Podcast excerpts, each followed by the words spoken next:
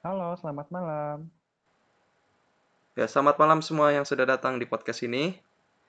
Selamat datang di podcast kami dengan saya Toro dengan NIM 079. Dan saya Jason, NIM 017.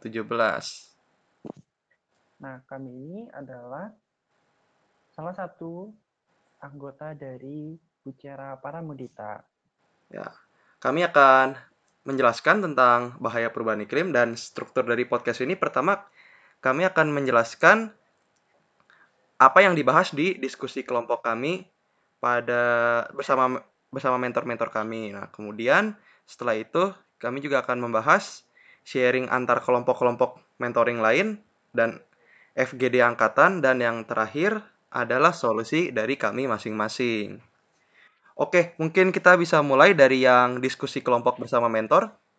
Dari Toro bisa diceritakan nih, kira-kira poin pertamanya apa sih yang kita bahas sama mentor kita? Oke, makasih Jason. Nah, poin pertama yang kami bahas adalah pergeseran siklus reproduksi dan pertumbuhan jenis organisme. Ya, kemudian yang kedua nih, apa uh, dampak dari si climate change ini nih? Yang kedua ada binatangnya juga bisa terancam punah karena perubahan iklim dan juga bisa kehilangan habitat. Nah, nah selanjutnya ada ketidakteraturan curah hujan karena perubahan iklim ini.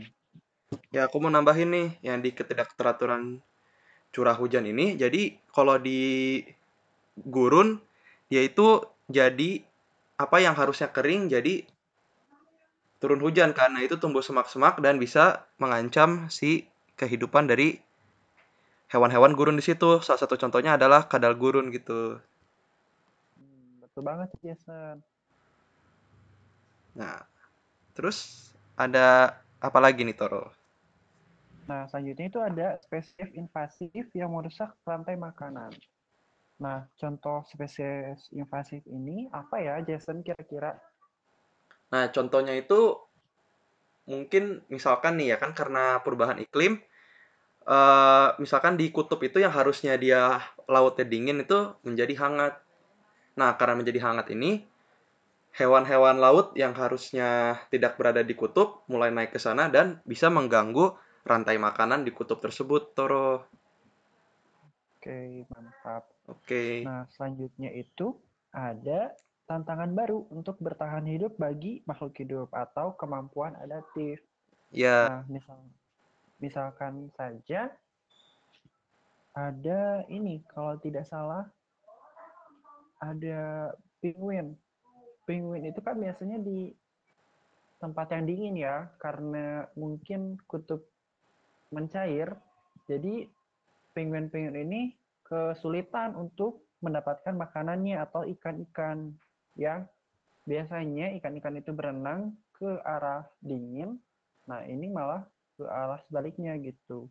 Mencari tempat yang aman si ikan-ikannya. Jadi si penguinnya ini mengalami kesulitan untuk mencari makanan. Nah, selanjutnya ada apa nih, Jason?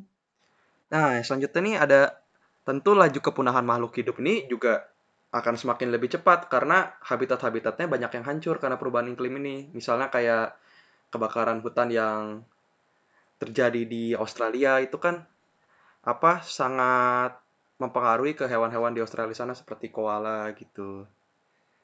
Bagaimana tuh ya? Ada ada lagi satu lagi yang terakhir ini adalah perkembangbiakan beberapa makhluk hidup yang terganggu karena adanya jenis kelamin makhluk hidup yang ditentukan oleh temperatur. Nah, itu sih. Nah, selanjutnya uh, kita akan membahas tentang sharing-sharing nih dari kelompok lain. Nah, yang pertama itu ada dampak terestrial. Dampak terestrial itu adalah kegiatan manusia pada abad ke-20 membuat es dan geyser mencair. Sehingga permukaan laut jadi naik nih. Terus peristiwa ekstrim, laut menjadi asam, dan makhluk hidup kehilangan habitatnya. Gitu, Jason. Nah, selanjutnya ada apa lagi sih, Jason?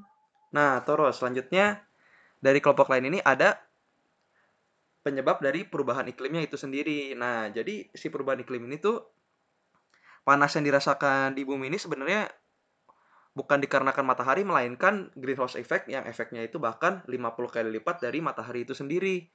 Nah, greenhouse effect ini berasal dari kendaraan bermotor, industri, dari agrikultur yang mengeluarkan gas metana, kemudian ada pemakaian AC dan pemerataan lahan. Nah, selanjutnya apa lagi nih Toro? Nah, selanjutnya ini ada dampak laut. Nah, dampak laut ini merupakan perubahan iklim yang harusnya disebut sebagai perubahan laut karena karbon dan emisi gas rumah kaca diserap oleh laut sebanyak 80%, sehingga menghangatkan laut dan merubah pH-nya. Gitu. Ya, bahaya Nah, banget ya. awalnya ya anget. Awalnya kan si pH laut itu basa atau netral. Nah, semenjak semenjak gas rumah kaca diserap, nah eh, air laut ini jadi hangat, lalu pH-nya jadi turun menjadi asam, gitu sih Jason. Hmm. Nah, dari isu-isu ini yang sudah dijelaskan dari berbagai kelompok ini kemudian kita diskusikan kan ya Toro dalam FGD angkatan. Iya. Nah, jadi dari FGD itu kita nih apa menarik permasalahannya dulu nih. Jadi sebenarnya si climate change ini nih dari data-data IMF ini semua negara yang bergerak maju ini rata-rata tuh emang meng- menggunakan mobil dan pesawat, menggunakan bahan bakar fosil, kemudian juga mereka memakan daging dan daging dan stik yang emang berasal dari agrikultur yang juga dapat merusak. Nah, apakah sebenarnya climate change ini tidak bisa terhindarkan begitu Toro? Mungkin bagaimana nih Toro nih solusi yang sudah dipaparkan di FGD? Mungkin solusi-solusi yang bisa diberikan atau dipaparkan adalah satu, mengedukasi masyarakat. Nah, edukasi masyarakat ini penting karena tadi kan banyak banyak banget negara maju yang menggunakan bahan bakar fosil sih. Nah, mungkin bisa diubah ke bahan bakar yang ramah lingkungan. Hmm. Nah, yang kedua adalah meningkatkan awareness atau kesadaran diri. Nah, kita sadar diri bahwa lingkungan ini tidak selamanya bisa terjaga. Nah, oleh karena itu, sebisa mungkin kita harus menjaga lingkungan gitu loh. Nah, bagaimana caranya? Mulai dalam mulai mulai dari diri sendiri dengan mengkonsumsi produk luar negeri, bersepeda, menjadi vegan atau bisa jadi mendidik calon pemimpin. Nah, selanjutnya adalah mendukung kebijakan-kebijakan yang baik bagi lingkungan. Bah, betul Nah, banget contoh tuh. Iya, nah contoh kebijakan lingkungan ini tuh yang lagi gencar-gencarnya dilakukan adalah zero waste.